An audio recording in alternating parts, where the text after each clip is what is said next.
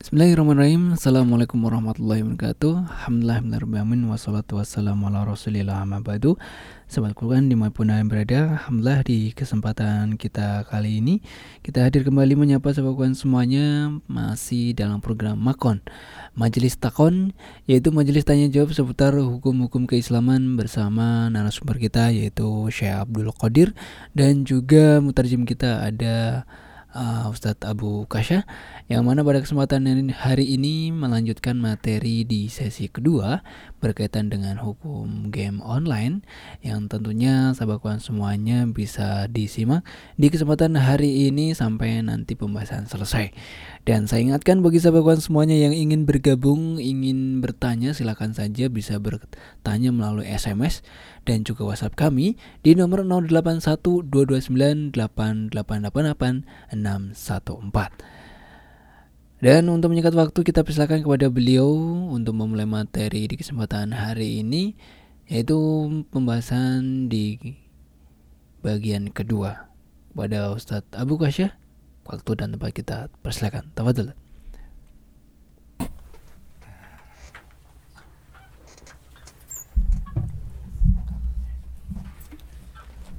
Bismillahirrahmanirrahim. Assalamualaikum warahmatullahi wabarakatuh الحمد لله رب العالمين والصلاة والسلام على أشرف المرسلين نبينا محمد وعلى آله وأصحابه أجمعين Para pendengar sahabat Al-Quran Radio Ishkarima yang dirahmati oleh Allah Subhanahu wa Ta'ala, kita bertemu kembali dalam maj makon Majelis Takon bersama Fadilatul Syekh uh, Syekh Isam Al-Misri Hafizahullah.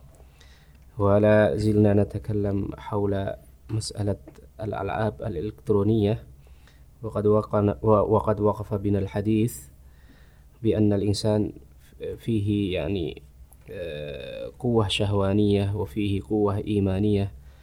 إلى غير ذلك مما ذكره الشيخ ووقف بنا الحديث بأن الإنسان مهما بلغ من الإيمان فهو يحتاج إلى الراحة وإلى شيء من الترويح النفسي. فهذا ما سنتو ما سنتناوله في هذا المجلس المبارك Para pendengar yang dirahmati oleh Allah Subhanahu wa taala, kemarin sudah kita bahas tentang masalah game online ya bahwa manusia itu di dalam dirinya terdapat banyak kekuatan, ada kekuatan iman, ada kekuatan bahimi, ada gharizah ya. Gharizah itu uh, apa namanya? Uh, pembawaan yang sifatnya Eh, eh, sabu'iyah dan lain sebagainya dan kemarin sudah kita sampaikan bahwa manusia itu eh, yang beriman sekalipun dia memerlukan semacam hiburan sehingga jiwanya tidak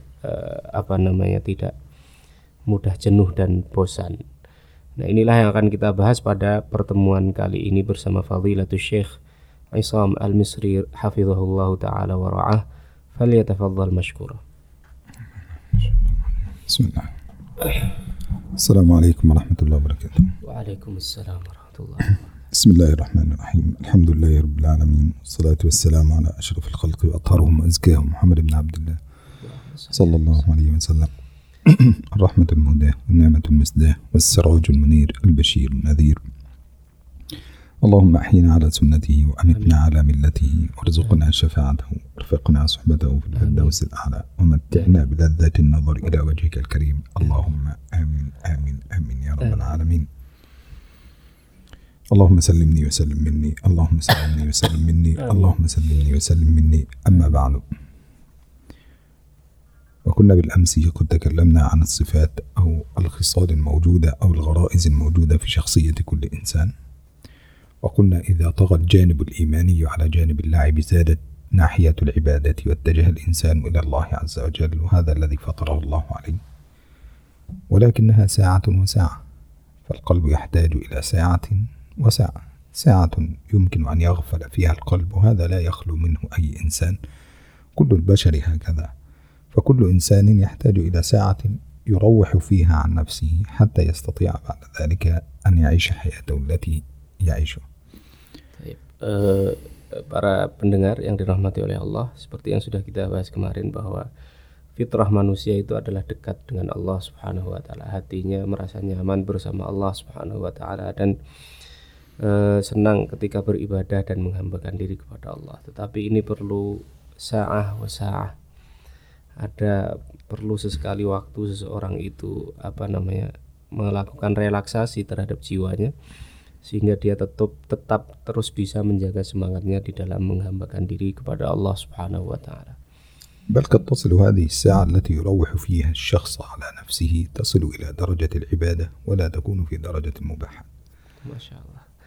Jadi meskipun ya, saat-saat seseorang itu dia dalam kondisi apa menghibur dirinya jiwanya itu dia bisa mencapai derajat ibadah bukan sekedar sesuatu yang halal. Apa yang antum lakukan dalam rangka menghibur diri itu bisa bernilai ibadah bukan hanya bernilai sesuatu yang mubah. لو وصلنا مثلا أو نظرنا في قول عمر بن الخطاب علموا أولادكم السباحة والرماية وركوب الخيل في هذا القول نجد أن عمر بن الخطاب يأمر بثلاثة أشياء السباحة والرماية وركوب الخيل ولو نظرت إلى السب- السباحة والرماية وركوب الخيل فإنها فيها كلها. أما الرماية ففيها تقويات أولا ليست تقوية للأعضاء فقط ولكن تقوية للعقل والذكاء لأنه يضع كل ذكائه وكل فكره كيف يصيب الهدف حتى يصل إلى هدفه الذي يريد. إذا هي تنمي الذكاء. ثم بعد ذلك تنمي قوة العضلات التي سيستخدمها في الجهاد ضد الكفار وهذه الأشياء. وبالتالي لو نوى بهذه اللعبة أن يلعب مثلا الرماية ويتعلمها حتى يجاهد بها في سبيل الله فإن مات مات شهيدا على هذا الأمر لأنه سيبعث يوم القيامة على نية مع أنه سبحان الله يلعب. لكن هنا النية هنا حولت العبادة ولذلك قلنا قبل ذلك أن المباحات بالنيات تصير طاعات. Hmm, nah, nah, sahih. Tapi sebagai contoh kita ambil ucapan Umar bin Khattab radhiyallahu taala anhu, "Allimu auladakum as-sibahata wa rimayata wa rukubal khail." Ajarkan kepada anak-anakmu eh, berenang, memanah dan menunggang kuda. Kalau kita lihat ya misalnya orang memanah, memanah itu memang secara zahir nampaknya itu bermain-main tetapi ternyata itu banyak sekali fungsinya untuk meningkatkan potensi seseorang misalnya eh, bukan hanya tangan ya ya tangan itu berfungsi meningkatkan kekuatan lengannya yang dia bisa gunakan untuk berjihad fisabilillah tapi juga ada fungsi meningkatkan ketajaman berpikir seseorang karena dengan terbiasa membidik dia akan terbiasa untuk bagaimana menetap menepatkan setiap sasaran maka ketika seseorang melakukan kegiatan-kegiatan ini dia niatkan untuk beribadah kepada Allah. Kemudian pas bermain-main itu dia meninggal dunia, insya Allah dia mati syahid. Nah sudah kita katakan bahwa al-mubahat perkara-perkara yang mubah itu dengan niat itu bisa tasirut taat berubah menjadi amal ibadah yang ada pahalanya di sisi Allah Subhanahu wa نأخذ مثالها الثاني وهو ركوب الخيل حينما يأمر بركوب الخيل. وهذه كانت أقوى آلة أو أقوى وسيلة لمواجهة العدو. وبالقياس على هذه الآلة لو في زماننا وعصرنا هذا الذي نعيش فيه أنت مثلا لو ابنك مثلا يريد أن يدخل إلى مثلا الجيش. ممكن بعض الناس يقول لا لا يدخل. لماذا؟ لأن هذا طاغوت والعياذ بالله. ويفهم هذا خطأ.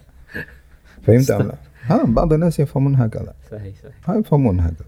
Nah, وأنه سيكون مع الطاغوت وسيكون كذا ويكون كذا طب لماذا لا تنظر أنه مأمور أن يتعلم؟ لو كان عند عمر بن الخطاب طائرة لتعلم عمر بن الخطاب كيف يركب الطائرة ويدمر بها هؤلاء اليهود. sahih sahih هذا سيدي. يعني فعمر بن الخطاب يعني أنت لو تركت أنت الطائرة والثاني يترك الطائرة والثالث يترك الطائرة والرابع يترك الطائرة من الذي يركب الطائرة؟ الطاغوت هو الذي سيركبها.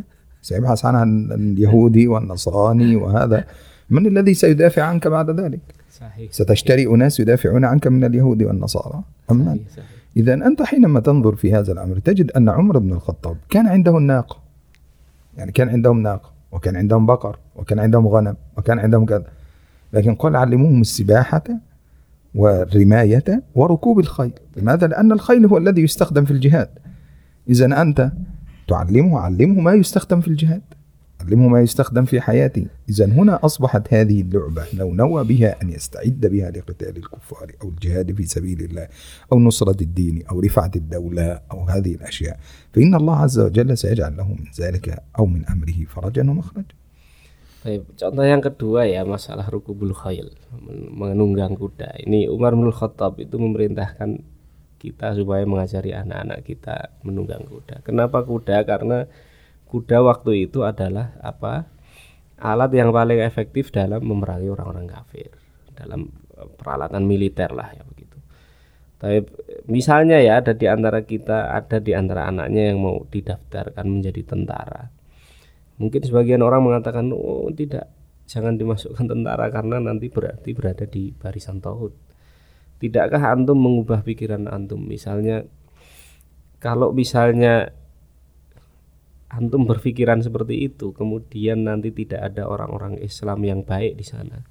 Lalu siapa yang bisa mengendarai apa pesawat misalnya atau mengendarai tank baja misalnya atau mengendarai ranpur-ranpur yang lain?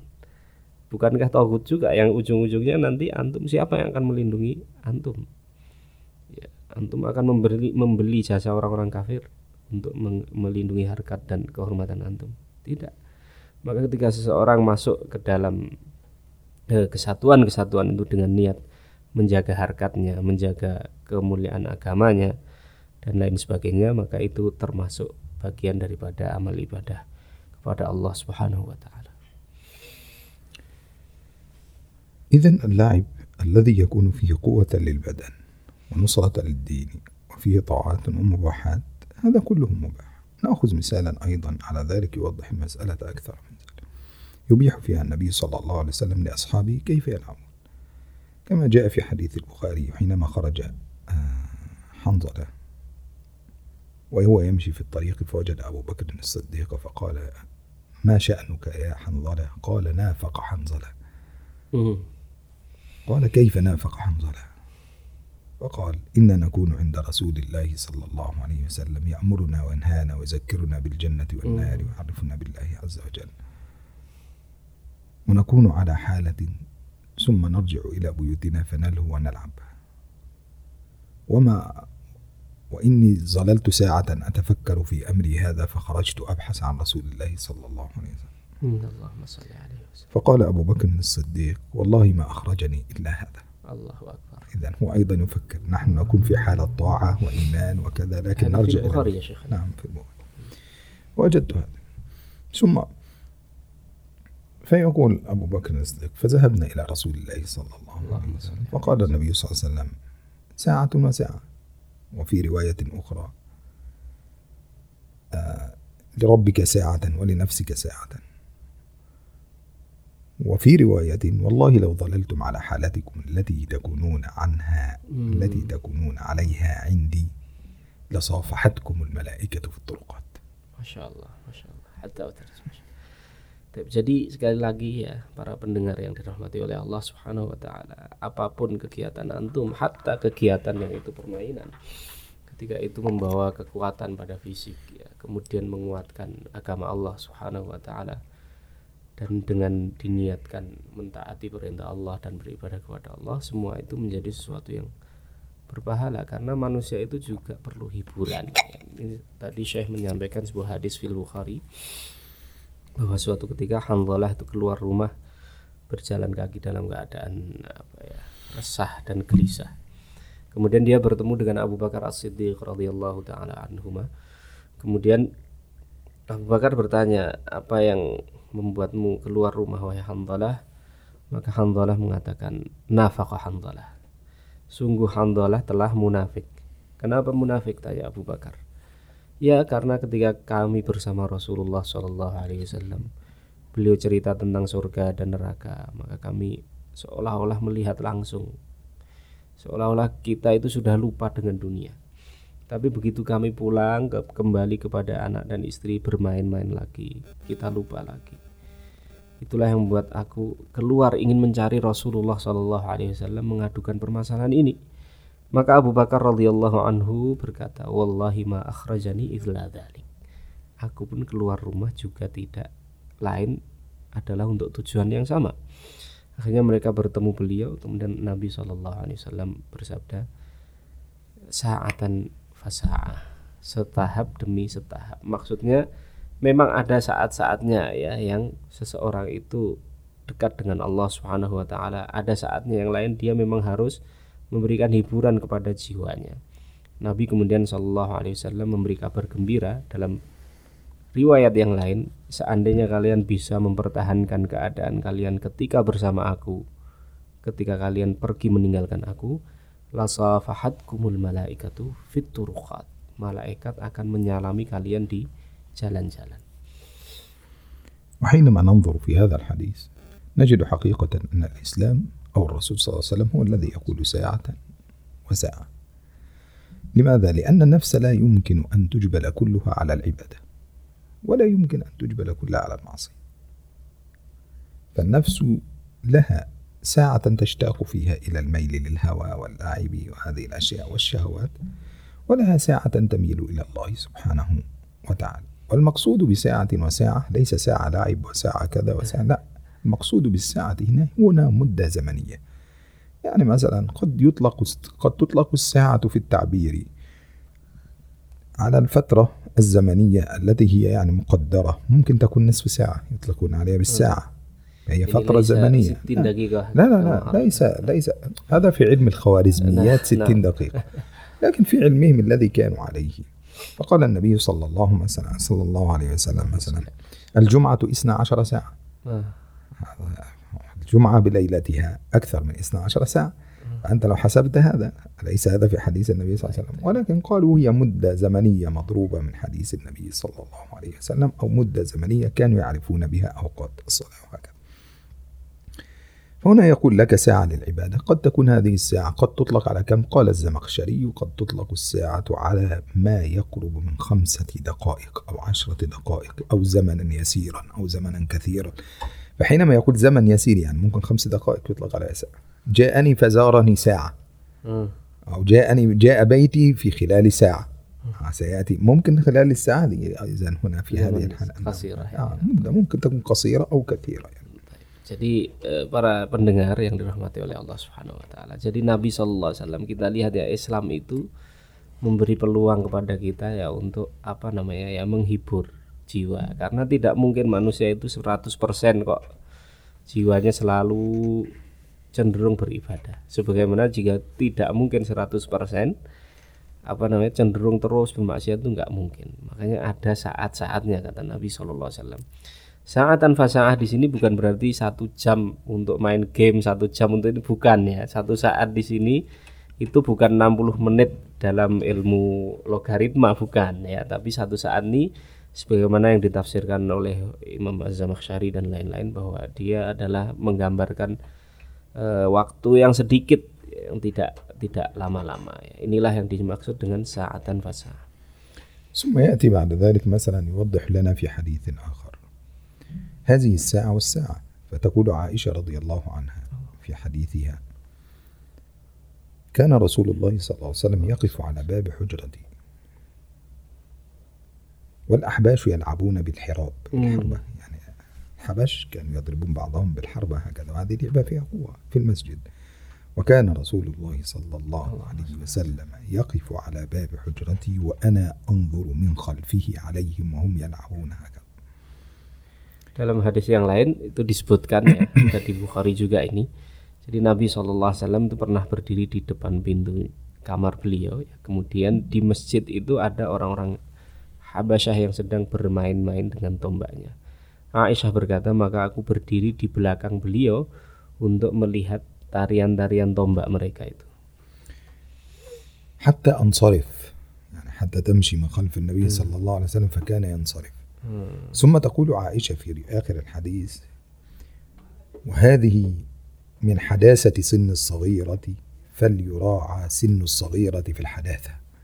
يعني هي صغيرة كانت تحب اللعب وكذا فأنتم لابد أن تراعوا هذه الأمور عند النساء أيضا لأن النساء أيضا يحبون مثل هذه الأشياء. فأنت مثلا عندك النبي صلى الله عليه وسلم يقف ثم زوجته تنظر إليهم وهم يضرب بعضهم بعضا وهكذا. وفي رواية إنسانية للنبي صلى الله عليه وسلم.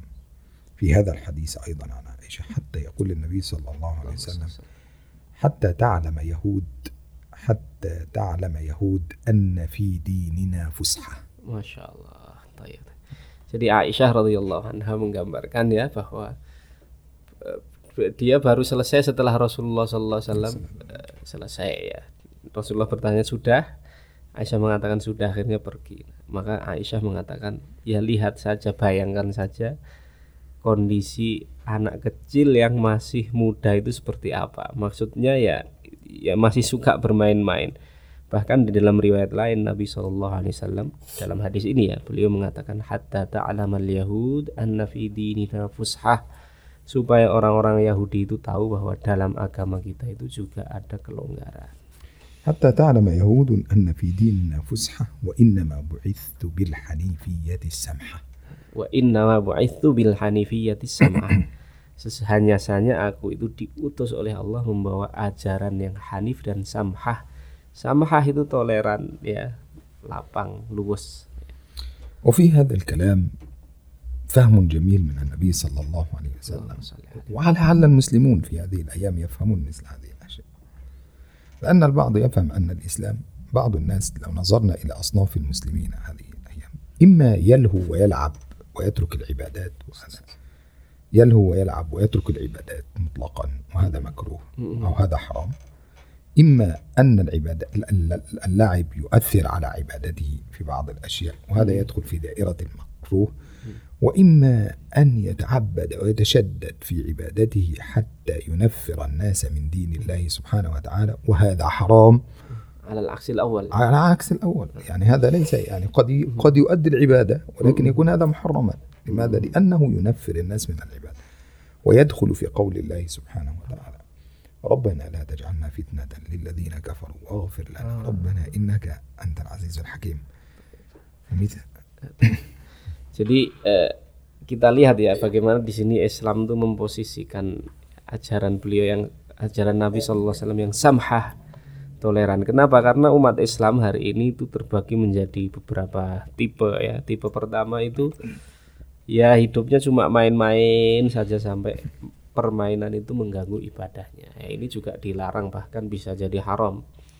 Nah ada yang kondisi sebaliknya dia beribadahnya masya Allah begitu kuat, tapi karena keterlaluan sampai dia anti dengan hiburan dan yunafirun nas an dinillah, membuat manusia itu antipati terhadap agama Allah. Nah ini juga walaupun dia melaksanakan ibadah itu bisa jadi dia malah melakukan sesuatu yang dilarang. Kenapa? Karena yunafirun nas an dinillah, membuat manusia itu menjadi antipati mem- melihat agama Allah. Kok berat sekali toh Islam itu begitu.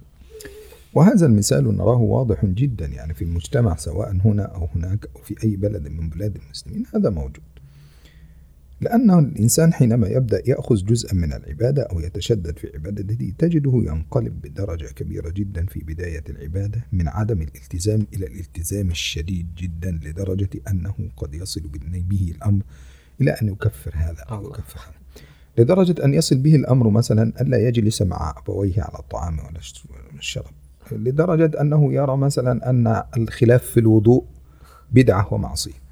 يعني لدرجة مثلا وجد واحد يمسح رأسه كلها فيقول له لا هذه آه، بدعة. بدعة. آه، ليس على مذهبي هذا. وي- ويبدأ يتكلم بهذه الطريقة. لو وجد واحد مثلا يمسح آه، ربع الرأس ويترك لا هذه بدعة ويغضب وكذا لو وجد واحد يتغضب. فتجده دائما هذا الشخص يتحول من شخص عابد إلى شخص منتقد. والشخص المنتقد هذا في المجتمع ليس منه فائدة هو يضر أكثر مما ينفع. Masya Allah. Jadi para pendengar sekalian ini penting sekali ya. Ada muhim jiddan, tolong diperhatikan. Jadi fenomena banyaknya orang yang hijrah ya dari yang tadinya belum multazim menjadi multazim, tadinya tidak taat beragama menjadi taat beragama. Ini kalau tidak dikawal dengan ilmu itu kadang melahirkan sikap-sikap ekstremisme yang apa? Kadang-kadang mengkafirkan orang lain ya. Mudah menilai ini bid'ah ya. Ada orang yang berwudu-wudunya tidak sesuai menurut dia ya, hanya membasuh misalnya eh, seperempat daripada kepalanya. Eh, Ini dia anggap sebagai sesuatu yang yang bid'ah dan sebagainya. Maka ini harus diwaspadai ya eh, apa namanya? perubahan dari sesuatu yang radikal kepada radikal berikutnya ini harus dikawal dengan ilmu sehingga tidak melahirkan sikap-sikap ekstrim seperti tadi. هذا الشخص في المجتمع ليس له فائدة بل إنه يضر أكثر مما ينفع Ananas itu ya Syekh Jadi manusia yang seperti ini itu berubah menjadi insan muntakid. Muntakid itu kritis ya. Kritis itu senangnya menyalahkan orang lain. Orang yang seperti ini itu di di dalam masyarakat itu biasanya tidak banyak berguna. Atau dengan kata lain yang lebih kasar ya, e, maldorotnya atau merusaknya itu lebih banyak daripada faedahnya. وعدم فائدته أنه قد يجعل الناس يتسارعون في الخروج من الدين مثال ذلك مثلا أنت ترى واحد في الطريق يسأل السائل الذي يقف في الطريق بكرتون آه. هذا أو آه. يضع وجه نعم. هذا نعم. تجده هو مثلا إن آه هذا الملتزم يرى هذا مثلا يقف في الطريق أنت من أهل النار أنت لماذا؟ لأن من سأل سؤالا جاء يوم القيامة فنكتت في وجهه نكتة سوداء عند يوم القيامة ستحشر ويبدأ ينصحه بهذه الطريقة. هذا الآخر ليس عنده فن النصيحة وليس عنده فهم الكلام. ولذلك لما كانوا يتهمون النبي صلى الله عليه وسلم لما تكلم عقبة عتبة بن أبي معيط مع النبي صلى الله عليه وسلم أخذ يتكلم عقبة بن أبي معيط. حينما تكلم مع النبي صلى الله عليه وسلم أخذ يتكلم ويسب في النبي صلى الله عليه وسلم ويطعن ويطعن وكذا وتبسم النبي صلى الله عليه وسلم ويقول ماذا بك يا أبا الوليد؟ ما شاء الله لم يرد بهذه الطريقة أو لم يكن طريقته هي انتقاد المجتمع في كل ما يفعله بل إن Jadi begini ya pemirsa eh, pendengar sekalian yang dirahmati oleh Allah. Eh, apa sisi tidak bergunanya sisi orang yang muntakit ini? Karena dia itu membuat manusia itu ya tasarau fil khuruj an hadatin. Membuat orang itu berlomba-lomba untuk ya meninggalkan agama ini. Misalnya ya ada orang yang dia baru hijrah ya multazim ya baru ngaji kemudian dia melihat manusia silver itu ya atau peminta pengemis-pengemis di jalan-jalan itu Kemudian dia tunjuk-tunjuk antamin ahlinar, kamu penduduk neraka karena hadisnya siapa yang meminta-minta nanti di hari kiamat di wajahnya akan ada begini dan begitu. Sehingga akhirnya orang jadi antipati. Dan ini Rasulullah SAW juga pernah mengalami ketika beliau berbincang dengan uh, Uqbah bin Abi Mu'ayyid atau Abu Walid ya. Abu Walid atau Uqbah bin Abi Mu'ayyid ini mencaci dan sebagainya terus bicara panjang lebar. Nabi SAW apa kata beliau? Madhabika ya Abul Walid Kamu itu kenapa wahai Abul Walid Dan beliau terus tersenyum Ini menunjukkan bahwa tidak selalu Orang yang kritis itu bagus di, di masyarakat ولذلك هذا الشخص دائما تجده يستكثر عبادته ولكن إذا كان هذا الشخص يريد أن يرجع إلى حياته فيستكثر عبادته ويستكثر نفسه على الناس. فتجد إن تكلم يظن نفسه عالما وإن سكت يظن نفسه أكبر الناس وإن جلس في وسط الناس يحتاج من يعامله معاملة أفضل المعاملات وإن كذا وت... وهذا طبعه حياته التي يريد أن يعيش. لا يمكن أن ينتزع من كل هذا إلا حينما يعلم شيئا واحدا أساسيا ورئيسيا وهو أن العبادة التي أنت فيها ليست منك. ولكن الذي أعطاك إياها هو الله. فكما أن الله أعطاك هذه العبادة وجعلك من أهلها قادر عن أن يسلب منك هذه العبادة ويجعلك بدونها صحيح صحيح. إن الذي وفقك لهذا هو الله. ليس أنت هذا ليس منك لا مني ولا منك ولا من الثاني ولا الثالث. إذا توفيقك لركعتين بالليل لا تنتهي. تجد مثلا يصلي ركعتين بالليل يقوم يصلي ركعتين بالليل. تجد على الفيسبوك مثلا الفيسبوك. ركعتي قيام الليل خير من الدنيا وما فيها. عند صلاة الصبح الصلاة خير من النوم. عند صلاة الظهر وكأنه يريد أن يقول لكل الناس قوموا صلوا أنا أصلي. أنا أصلي الآن تفضلوا أنتم صلوا وكأنه الفكرة ليست فكرة الفكرة أنه يستكثر نفسه عن المجتمع يجد نفسه أصبح له درجة كبيرة. وهذا الشخص دائما حتى لو كلمته عن العلماء أو الفقهاء أو الدين أو كذا هو لا يقبل مثل هذه الأشياء. فتقول له قال أبو حنيفة يقول لك لا هم رجال ونحن رجال. الله. تقول له قال الشافعي يقول لك لا هذا شافعي هم رجال ونحن رجال. تقول قال مالك قال كأحمد قال كذا هم رجال ونحن رجال. قال الصحابي هم رجال ونحن رجال. هم رجال ونحن رجال. لكن النبي صلى الله عليه وسلم قال هم كالنجوم نحن لسنا Baik, Baik, jadi pendengar sekalian yang dirahmati oleh Allah. Jadi ciri orang yang muntakit ini ya, yang suka kritis sama orang ini. Ini salah satu cirinya apa? Ya? Ya Dia selalu merasa amal ibadahnya itu yang paling baik dan paling banyak. Sehingga dia melihat kalau dalam urusan ilmu ya dia merasa yang paling alim. Kalau dalam urusan amal ya dia merasa yang paling rajin beramal ya seolah-olah hanya dia sendiri sajalah yang layak untuk masuk surga nah ini kata Syekh itu tidak ada obatnya kecuali satu yaitu apa merasa bahwa kita itu bisa menjalankan ibadah apa pun bentuknya itu tidak akan bisa tanpa taufik dan kemudahan dari Allah Subhanahu wa taala. Kamu bisa sholat dua rakaat itu kalau tidak dimudahkan oleh Allah itu nggak bisa.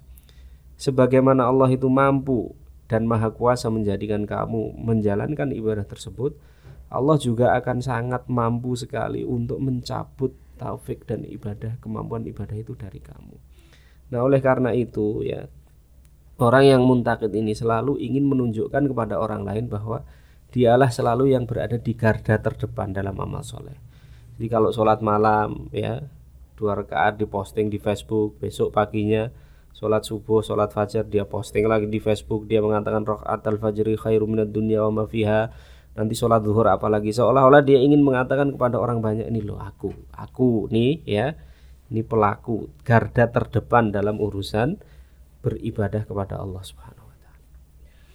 إذا هذا الشخص لو عرف أن عبادته هذه ليست منه ولا بتوفيقه إنما هي بتوفيق الله عز وجل وتسديد الله له في هذا الأمر.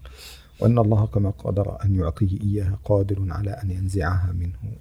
سيبدأ يتخلق بخلق وهو خلق التواضع. وهذا نجده رجل في العبادة أيضا وهو صنف ثاني من الناس من أصناف الناس. حتى أترجم Jadi sekali lagi ya para pendengar sekalian, tadi kalau orang itu dia dikatakan Abu Hanifah itu akan mengatakan mereka rijal dan kita rijal. Nah ini obatnya cuma satu, merasa apa bahwa semua yang bisa dia lakukan berupa amal-amal soleh itu tidak mungkin terjadi kalau bukan ditolong oleh Allah. Nah kalau dia sudah bisa seperti itu maka akan lahirlah sebuah akhlak yang sangat terpuji apa namanya akhlak tawadu. نكملها اللقاء القادم. Baik. Eh, para pendengar eh, Radio Iskarima sahabat Quran yang dirahmati oleh Allah Subhanahu wa taala. Masya Allah perbincangan kita cukup menarik pada pertemuan kali ini. Hadis mumti ma'nal kalimah Wa insyaallah nuwasil hadithana fi al-liqa'il qadim. Kita akan membersamai Syekh insyaallah. Jangan eh, ke mana-mana, teruslah bersama Makon Majelis Takon Radio Iskarima 99.9. Aku lu qauli hadza wa astaghfirullah li wa lakum. Wassalamualaikum warahmatullahi wabarakatuh. Waalaikumsalam. Jazakumullah khairan. Waalaikumsalam warahmatullahi wabarakatuh Syukran jazakumullah khair kepada Ustaz Abu Qasya dan juga Syaisom bin Abdul Qadir Selaku narasumber di kesempatan hari ini Dan kita tahu tadi pembahasannya masih belum selesai ya Dan jadi uh, insya Allah kita akan lanjutkan lagi di sesi berikutnya Dan buat sahabat semuanya Jangan ke mana-mana terus ikuti program-program yang ada di Radio Skyrima Dan dapatkan manfaatnya untuk wawasan kita bersama.